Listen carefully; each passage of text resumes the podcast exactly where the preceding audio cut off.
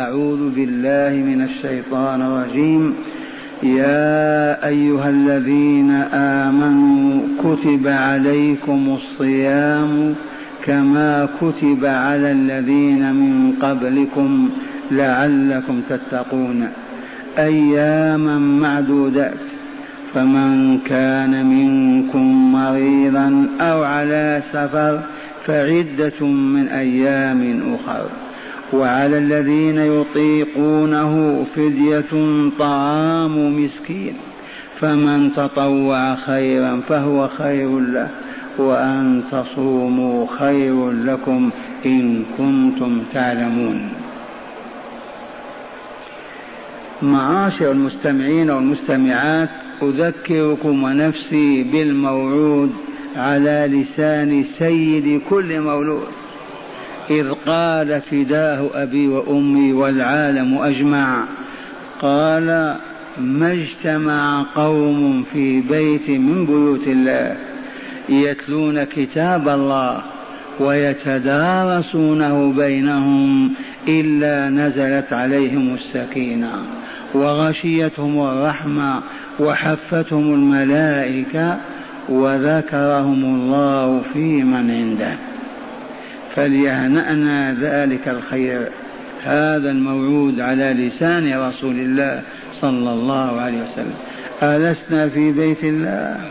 أليست هذه آيات من كتاب الله؟ ألسنا متدارسين لها؟ إذا الحمد لله. ولولا فضل الله علينا ورحمته ما اجتمعنا ولا تلونا ولا تدارسنا. فالمحرومون ملايين البشر. الحمد لله. هذا نداء الله عز وجل وإن كنا درسنا في النداءات في الأسبوع الماضي هذا النداء باختصار وليس بوافي الدراسة. والشيء إذا تكرر تقرر وثبت. هذا النداء موجه من قبل الله عز وجل إلى عباده المؤمنين ونحن إن شاء منهم آمين. ينادينا بعنوان الإيمان سر ذلك معروف لأننا أحياء بإيماننا. نسمع ونعي ونعقل ونعمل. نادانا ليخبرنا بخبر عظيم. يقول كتب عليكم الصيام. افرحوا أبشروا. فرض عليكم الصيام. والصيام إمساك. عن شهوتي البطن والفرج. إمساك بمعنى امتناع عن شهوتي البطن فلا طعام ولا شراب والفرج فلا جماع ولا وقاع. هذا الصيام امتناع وإمساك.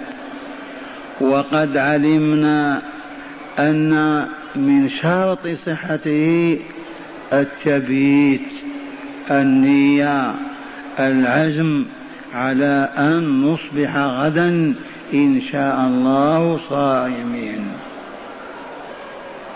وعلمنا وزادكم الله علما أن النية تبيت بالليل. إلا أن النبي صلى الله عليه وسلم كان إذا أصبح ولم يفطر ولم يتناول شيئا من المفطرات ودخل على أهله يطلب طعاما ليفطر.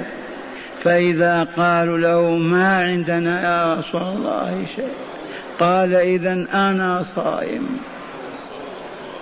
وينوي الصيام ويصوم إلى الليل. هذا الصيام صيام النافلة لا الفريضة ولا الواجب. ومن حدث له هذا وفعل إنه قد ائتسى برسول الله صلى الله عليه وسلم. ولكن نعوذ بالله أن نصبح نطلب طعاما ولا نجده. ولكن رسول الله دخل على أهله يطلب فطورا فقالوا مع الأسف ما عندنا شيء. فقال إذا أنا صائم.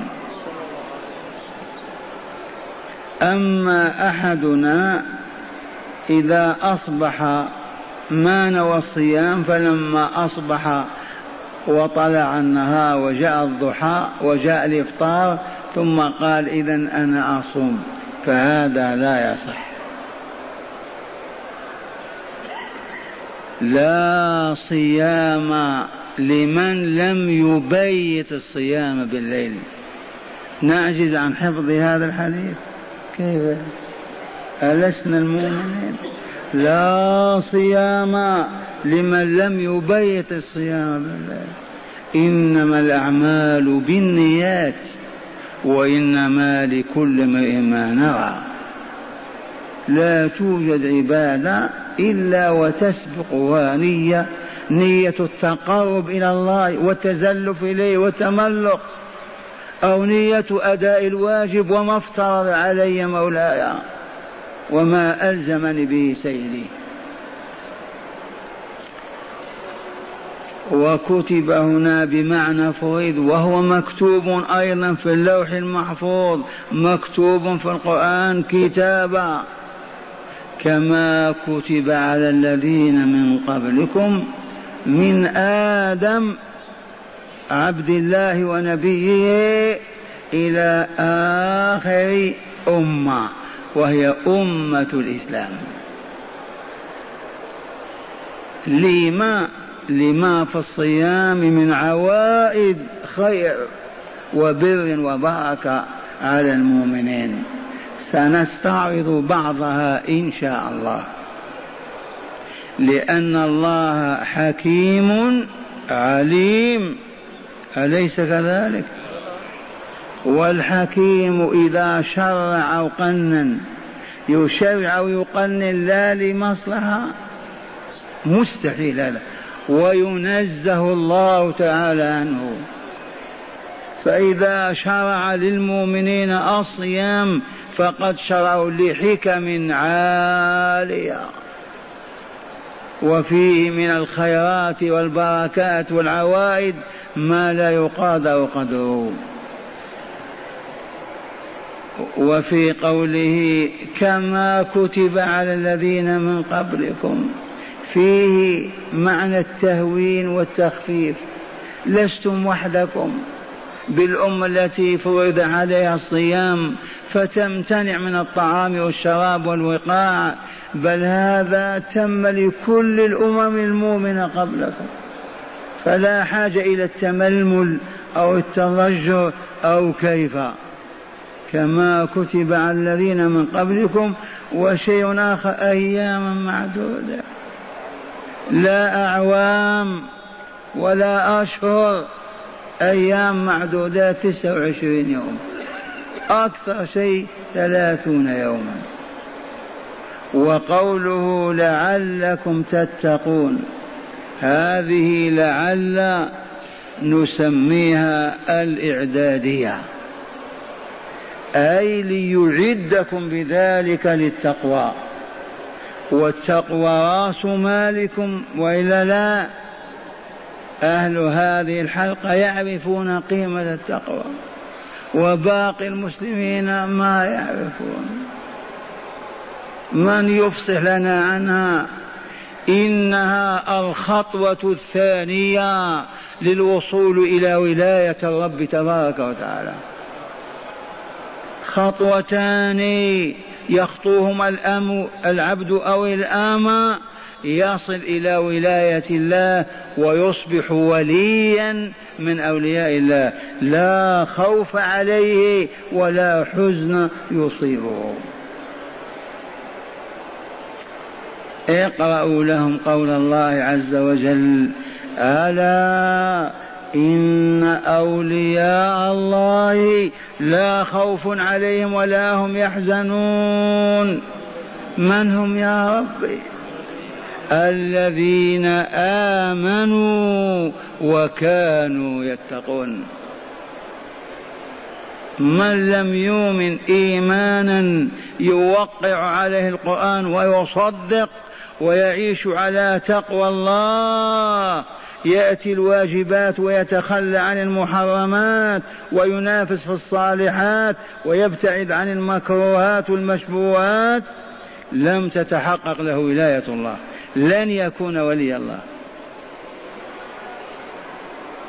من من السامعين والسامعات يرغب أن يصبح غدا وليا لله؟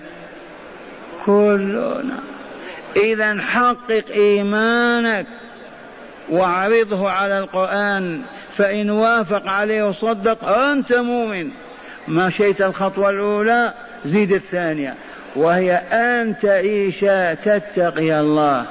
لا تتكلم بالكلمة حتى تعلم أذن لك أو لم يأذن. لا تفتح عينيك تنظر حتى تتأكد أذن لك في أن تنظر لم يأذن. لا تتناول اللقمة بلها حبة العنب حتى تستأذن آذن لك أو لم يأذن. لا تنام حتى تعلم أذن أو لم يأذن. لا تقوم ولا تقعد. وهكذا تحقق تقوى الله عز وجل. فتصبح من أولياء الله تعالى. ممن قال الله فيهم لهم البشرى في الحياة الدنيا وفي الآخرة. آمين آمين. زد دعوتك يا أبا عبد العزيز. اللهم آمين. البشرى في الحياة الدنيا قال أبو القاسم صلى الله عليه وسلم الرؤيا الصالحة يراها أو ترى له لن تموت يا ولي الله حتى تبشر بالجنة دار السلام. إما أن ترى ذلك أنت أو يراه لك عبد صالح ويخبرك ويبشرك. هذا أما عند سياقات الموت وحال سكراته لا تعجب. وفود تنزل من السماء محتفلة بروحك ورفعها إلى الملكوت الأعلى. وهي تبشرك وأنت تبتسم وتفارقك روحك وأنت تبتسم. وجاء هذا في كتاب الله. إذ قال تعالى من سورة فصلت حاميم إن الذين قالوا ربنا الله ثم استقاموا. هؤلاء هم الأولياء وإلا لا؟ إن الذين قالوا ربنا الله ثم استقاموا. تتنزل عليهم الملائكة ألا تخافوا ولا تحزنوا وأبشروا بالجنة التي كنتم توعدون في بشارات متتالية. هذا أولياء الله ينتظرونه ساعة الاحتضار وهو في قاعة الإنعاش كما يقولون. هل يتم لنا هذا إيه؟ عرفتم منزلة التقوى. الصيام يساعدكم على تقوى الله عز وجل. لأنك طيلة ما أنت صائم ما تجرؤ على أن تقول باطلا أو ترتكب محرما. غير ممكن وأنت صائم تقول سوءا أو تحدث باطلا. معصوم بالصيام. ثم قال تعالى فمن كان منكم مريضا والمرض من أعراض الحياة ومتطلباتها وفيه خير أيضا بالنسبة إلى المؤمنين المرض خير لهم. وبالنسبة لغير المؤمنين عذاب عجل لهم. في الدنيا قبل الآخرة. أما المؤمن بالمرض تكفر سيئاته وتمحى ذنوبه وترتفع درجاته. ما من مؤمن تصيبه مصيبة حتى الشوك يشاك إلا حط الله بها خطاياه. الحمد لله. أحد الصحابة لما سمع هذا الخبر قال يا رسول الله اسأل الله تعالى ألا تفارقني الحمى ولكن لا تقعد بي عن العمل. واستجاب الله له ما صاف أحد له الحمى عليه ليل نهار طول حياته وهو يواصل الطاعات والعبادات ولا تفارق الحمى. رضي الله عنه وأرضاه. فمن كان منكم مريضا أو على سفر فعدة من أيام أخرى فالواجب عدة أخرى من أيام أخرى يصومها. فمن كان منكم أيها المؤمنون والمؤمنات مريضا مرضا لا يقوى معه على الصيام. والمرض درجتان درجة الخطر وهنا يحرم الصوم. ودرجة دون الخطورة درجة ألم فقط الصوم أفضل. ولو أفطر جاز له الإفطار. والمسافر المسافة المعروفة ثمانية وأربعين ميل. ألفا ذراع. الميل ألف ذراع. الميل ألفا ذراع. الكيلو متر بالحساب الفرنسي كم متر؟ ألفين متر ألف متر.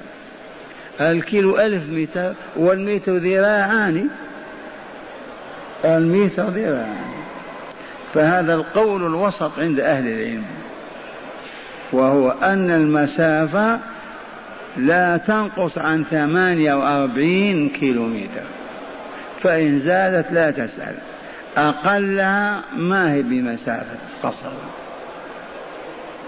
إذا فعدة أي فعليه أو فواجب عدة من أيام أخرى بعددها. وعلى الذين يطيقونه يقدرون عليه ولكن مع المشقة. وهذا الجزء منسوخ. عرفتم؟ كانوا في أول الأمر الصيام فرض متى فرض صيام عاشوراء في السنة الأولى من الهجرة. ما إن دخل النبي صلى الله عليه وسلم المدينة ومضى دخل في الربيع وجاء محرم فوجد اليهود يصومون عاشوراء. وسألهم قالوا هذا يوم أنجى الله فيه موسى وبني إسرائيل. فنحن نصوم شكرا لله. قال نحن أحق أحق بموسى منكم. ونحن أحق بموسى منهم. فصام وأمر أهل المدينة أن يصوموا فصوم الأنصار والمهاجرون أطفالهم الصغار. صاموا وصوموا أطفالهم الصغار. جاءت السنة الثانية فرض الله صيام رمضان ونسخ الصيام الأول. وبقي صيام عاشوراء سنة مستحبة ليس بواجب أبدا. إذا ففي أول سنة كانت هذه الآية تقول بسم الله وعلى الذين يطيقونه. خليك معي. تطيق تحمل الكتاب هذا يا عدنان؟ تطيق. هذا كلام بربري. كيف تطيق؟ تطيق حمل الكتاب. إذا ما يقال تطيق يحمل الكتاب. لكن إذا وضع بين يديك كيس فيه مئة كيلو يسألك تطيق ولا لا؟ على كل حال بربريتي ما هي فصيحة. أعيد. أقول هل من المعقول أن تقول لأخيك تستطيع تحمل هذا الكاس الشاهي؟ هذا يقوله عاقل. يقول هذا يسخر مني. كيف كاس شاهي تطيق حمله؟ لكن إذا كان غرار صندوق شيء كبير يقول تطيق هذا وإلا لا؟ يقول تطيق لا. فقوله تعالى وعلى الذين يطيقونه معناه يتحملون بمشقة وعنى انتبهتم؟ إما لكبر سن وإما لمرض وإلا للعادة. ما تعودوا أن يتركوا الأكل والشرب طول النهار. فقال تعالى وعلى الذين يطيقونه أن يقدرون عليه مع العناء والمشقة والألم والتململ. هؤلاء يفطرون ويطعمون عن كل يوم مسكينا. رحمة الله. وعلى الذين يطيقونه فدية طعام مسكين. يدفعون الفدية ويأكل ولا يلوم أحد. عرفتم؟ لأنه ما هو منشرح الصدر قوي على أن يصوم. ما يقوى. فمن رحمة الله بالمؤمنين أولياء شرع هذا. فدية طعام مسكين يقدمها ويفطر. عرفتم؟ ولا يقضي. ثم نسخ هذا. بالآية التي تأتي بعد هذا وهي قول الله تعالى شهر رمضان الذي أنزل فيه القرآن هدى للناس وبينات من هدى. اسمعوا. فمن شهد منكم الشهر فليصم. أما فمن كان منكم على سهر فعدة من أيام أما مجرد أنه يتململ أو متعود انتهى. فمن شهد منكم الشهر أي دخول الشهر وشهده حضر من أعلن عنه أو رآه فالصيام لا بد. إلا أن يكون مريضا حقا أو مسافرا. عرفتم هذا الجزء كيف نسخ وإلا لا؟ وعلى الذين يطيقونه فدية طعام مسكين. فمن تطوع خيرا أطعم عشر مساكين له ذلك. وهنا الإطعام أهل العراق في الزمان الأول والكوفة يقولون إنه نصف صاع مدين. أهل الحجاز أهل المدينة بالذات يقولون مد واحد. والمد حفنة بحفنة الرجل المتوسط. والآن كيلو إلى كيلو ونصف رز هذا هو الإطعام ومن تطوع خيرا فهو خير. إذا يطعم عشرين فليفعل.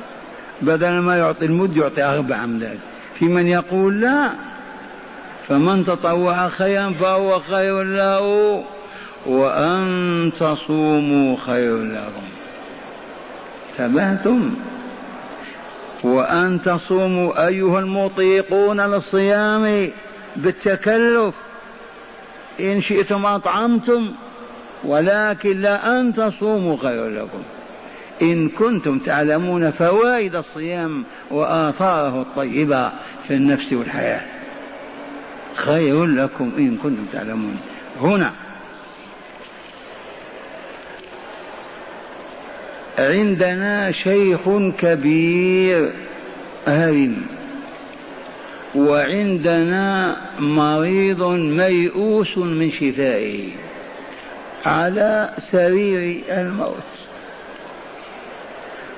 وعندنا حامل في بطنها جنين أو جنينان. وعندنا مرضع. ترضع ولدها. ما كان الثدي الصناعي ولا كان الإبرة هؤلاء أربعة أصناف. الرجل الكبير المسن طالت به الحياة ما أصبح يستطيع الصيام. هذا يفطر بلا نزاع. ولا يكلف نفسه ما لا يطيق. ويطعم عن كل يوم مسكينا. نظيره المريض الذي لازمه المرض وما أصبح ينتظر الشفاء حتى يقضي. هذا أيضا كالأول يطعم مسكينا على كل يوم. ولا شيء. أما الحامل والمرضع شفقة بهما ورحمة بهما. الحامل في بطنها الجنين وهي تتألم إذا جاعت تخشى أن يسقط جنينها. المرضع تخشى إذا جاءت ينقطع لبنها ويبكي طفلها ويصرخ. تفطران وتطعمان وتقضيان. تفطران وتطعمان عن كل يوم. مسكين وتقضيان. هنا مسألة. المرضع إذا خافت عن ولدها والحامل إذا خافت عن حملها هاتان تفطران وتطعمان وتقضيان. وإذا خافت عن نفسها فقط لا الولد. موضع أو حامل خافت إذا صامت تتأذى وتمرض هي هذه تطعم وتقضي ولا تطعم. كالمسافر والمريض. حقيقة الموضوع يحتاج إلى تأمل وتريث. لا بأس. أقول ما حكم المريض والمسافر يرحمكم الله؟ قولوا. يفطران ويقضيان. ما حكم الشيخ الهرم والمريض الذي لا يرجى برؤه؟ يفطران وجوبا ويطعمان. عندنا حامل وموضع. فإن خافتا على نفسيهما لا على ولديهما تفطران وتقضيان ولا تطعمان. شأنهما شأن المريض ولا لا؟ لكن إن خافت على ولديهما لا على نفسيهما هنا تفطر وتطعم وتقضي. واضحة هذه إن شاء الله. لأن خوف على ولدي على مالها. خوفي على ما في بطنها ما هو خوف عنها هي. ما هي مريضة هذه؟ خافت على طفلها. إذا لا بد وأن تطعم مسكينا. إذا بعد هذا البيان نسمعكم ما في التفسير. زيادة معرفة وعلم. قال المؤلف غفر الله له ولكم ورحمه وإياكم. شرح المفردات أو الكلمات. فرض ما معنى كتب ما معنى فرض وأثبت. كتب فرضه وأثبته بالكتابة تأكيدا له. والصيام لغة ماذا؟ الإمساك. والمراد به هنا الامتناع عن الأكل والشرب وغشيان النساء من طلوع الفجر إلى غروب الشمس. غشيان النساء غشاها غطاها. تعبير قرآني فيه الآداب. فلما تغشاها حملت حملا خفيفا هن لباس لكم. خلي نبكي شوية. الآن بلغنا أن مؤتمرا عالميا سيعقد في القاهرة. يضم كم مئة هذا المؤتمر إشفاقا منه ورحمة على البشرية. يريد أن يبيح اللواط والزنا والباطل والشر وأن يحدد الولادة ويمنع الولادة. نصب نفسه منصب الرب تعالى ليخطط ويشرع. أحسب ما ارتكبت زلة أعظم من هذه في الحياة.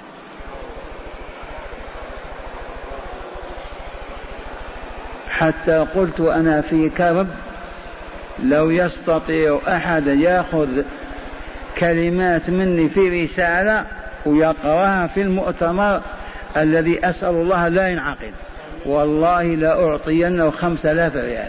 يطير بالطائرة بألف ويقرأ الرسالة. فهؤلاء كفار. بلغ الكفر حتى تنكروا للفطرة.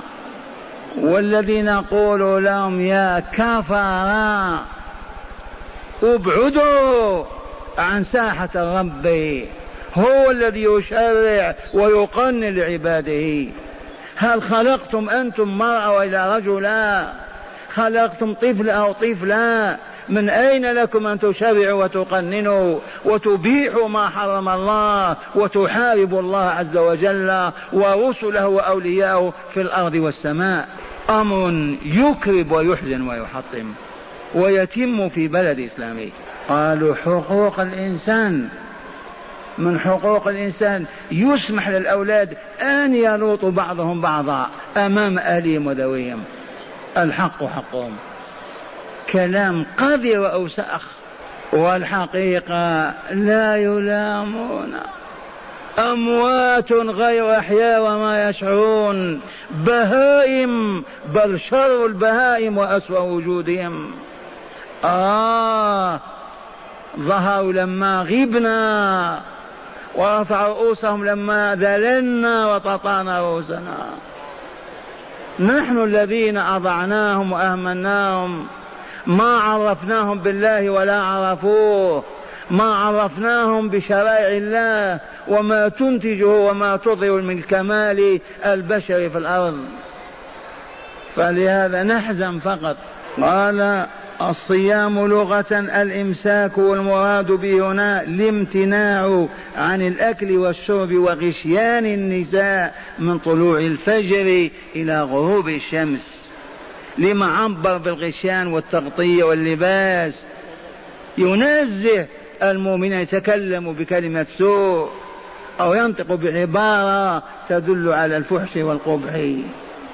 إنهم أولياء الله وهؤلاء الملاحدة والمسحورون بسحر اليهودية يتبجحون بفتح المجال للأولاد أن يلوط, بعضهم بعضا.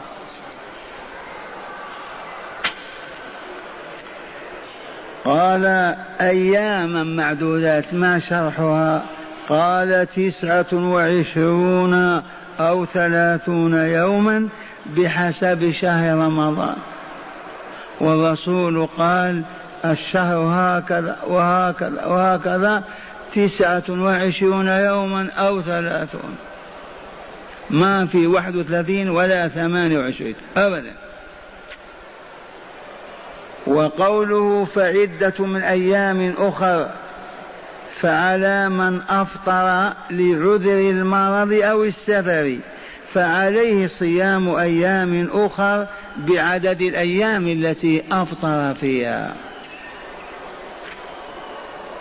مسألة أيضا إذا فرط المسافر أو المريض صح وما قضى؟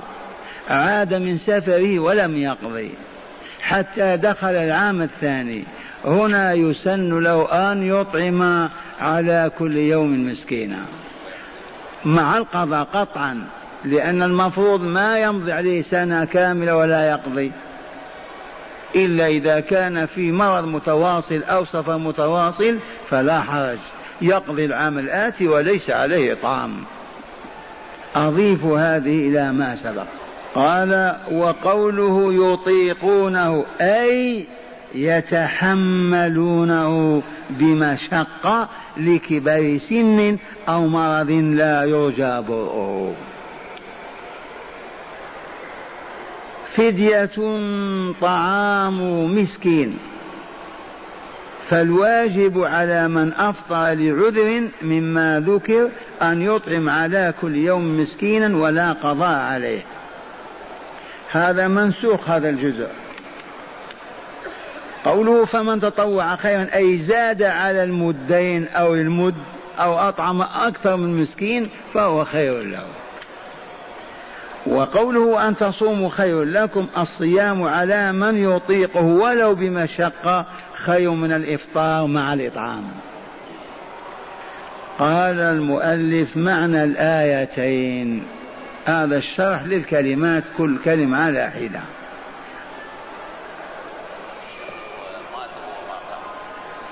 قال من مات ولم يقضي. يقضي عليه ذووه من أبناء وزوجة وإخوان.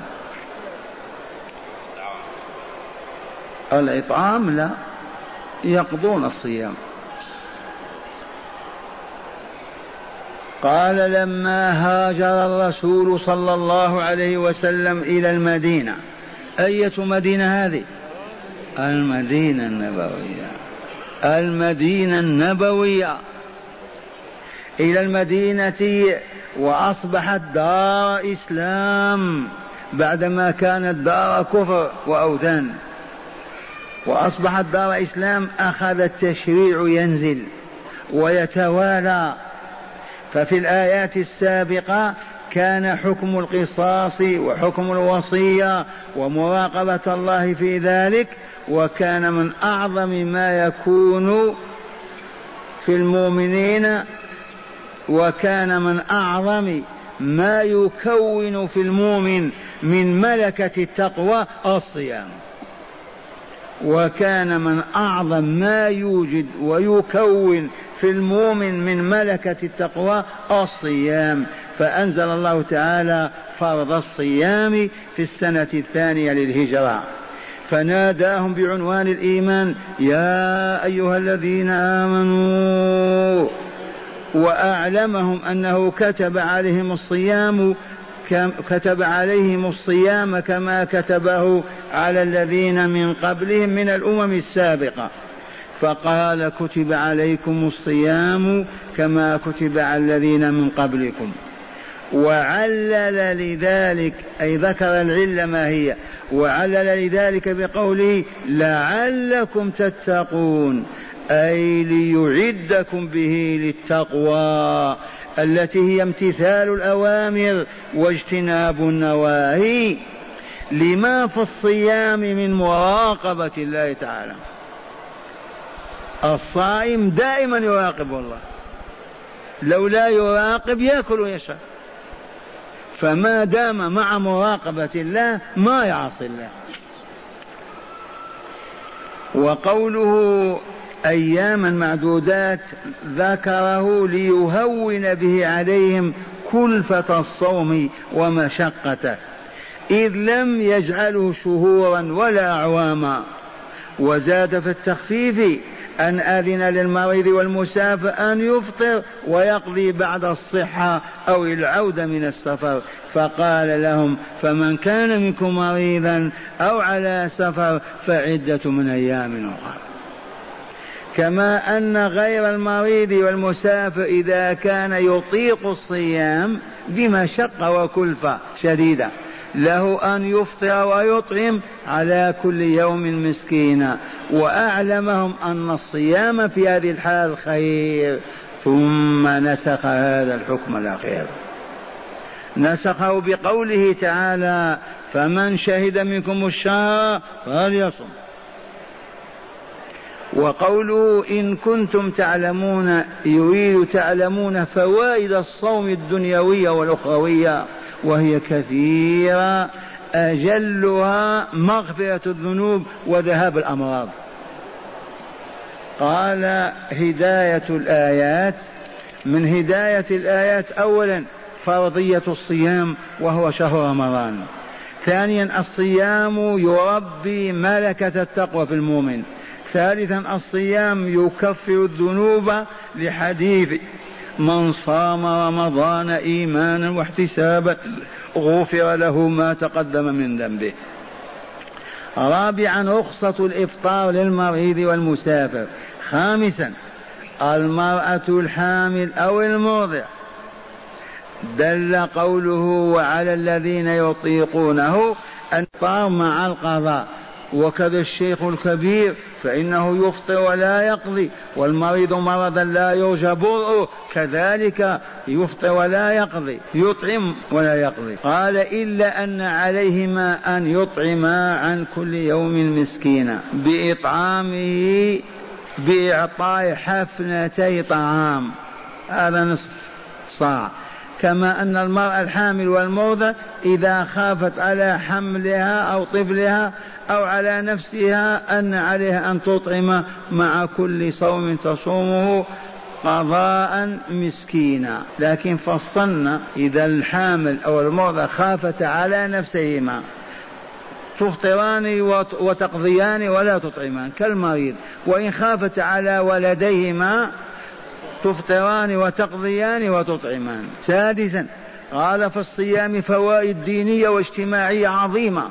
أشير إليها بلفظ إن كنتم تعلمون. من هذه الفوائد أولا يعود الصيام الخشية من الله تعالى في السر والعلن. ثانيا كسر حدة الشهوة ولذا أرشد العازب ولذا أرشد العازب إلى الصوم في حديث المصطفى صلى الله عليه وسلم معشر الشباب من استطاع منكم الباء فليتزوج ومن لم يستطع فعليه بالصوم فإنه له وجاء.